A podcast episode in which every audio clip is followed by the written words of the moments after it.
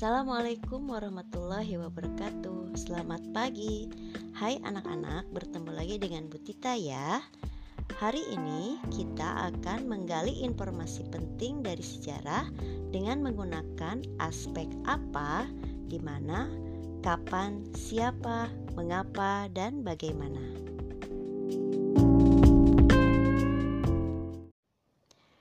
Nah, sekarang dengarkan teks berikut ini.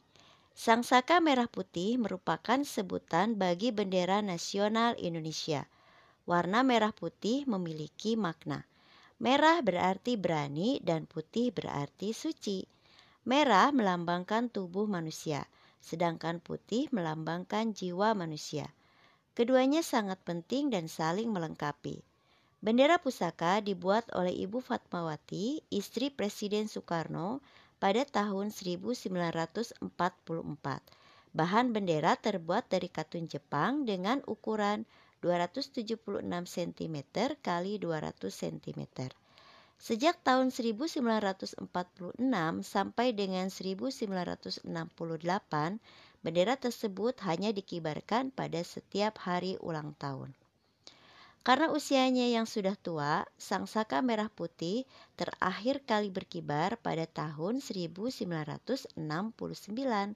Bendera disimpan di Museum Nasional.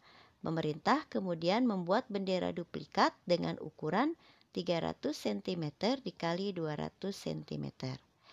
Setelah kalian mendengarkan teks yang Ibu bacakan, silakan kalian menggali informasi dengan membuat pertanyaan dari kata apa, di mana, kapan, siapa, mengapa, dan bagaimana.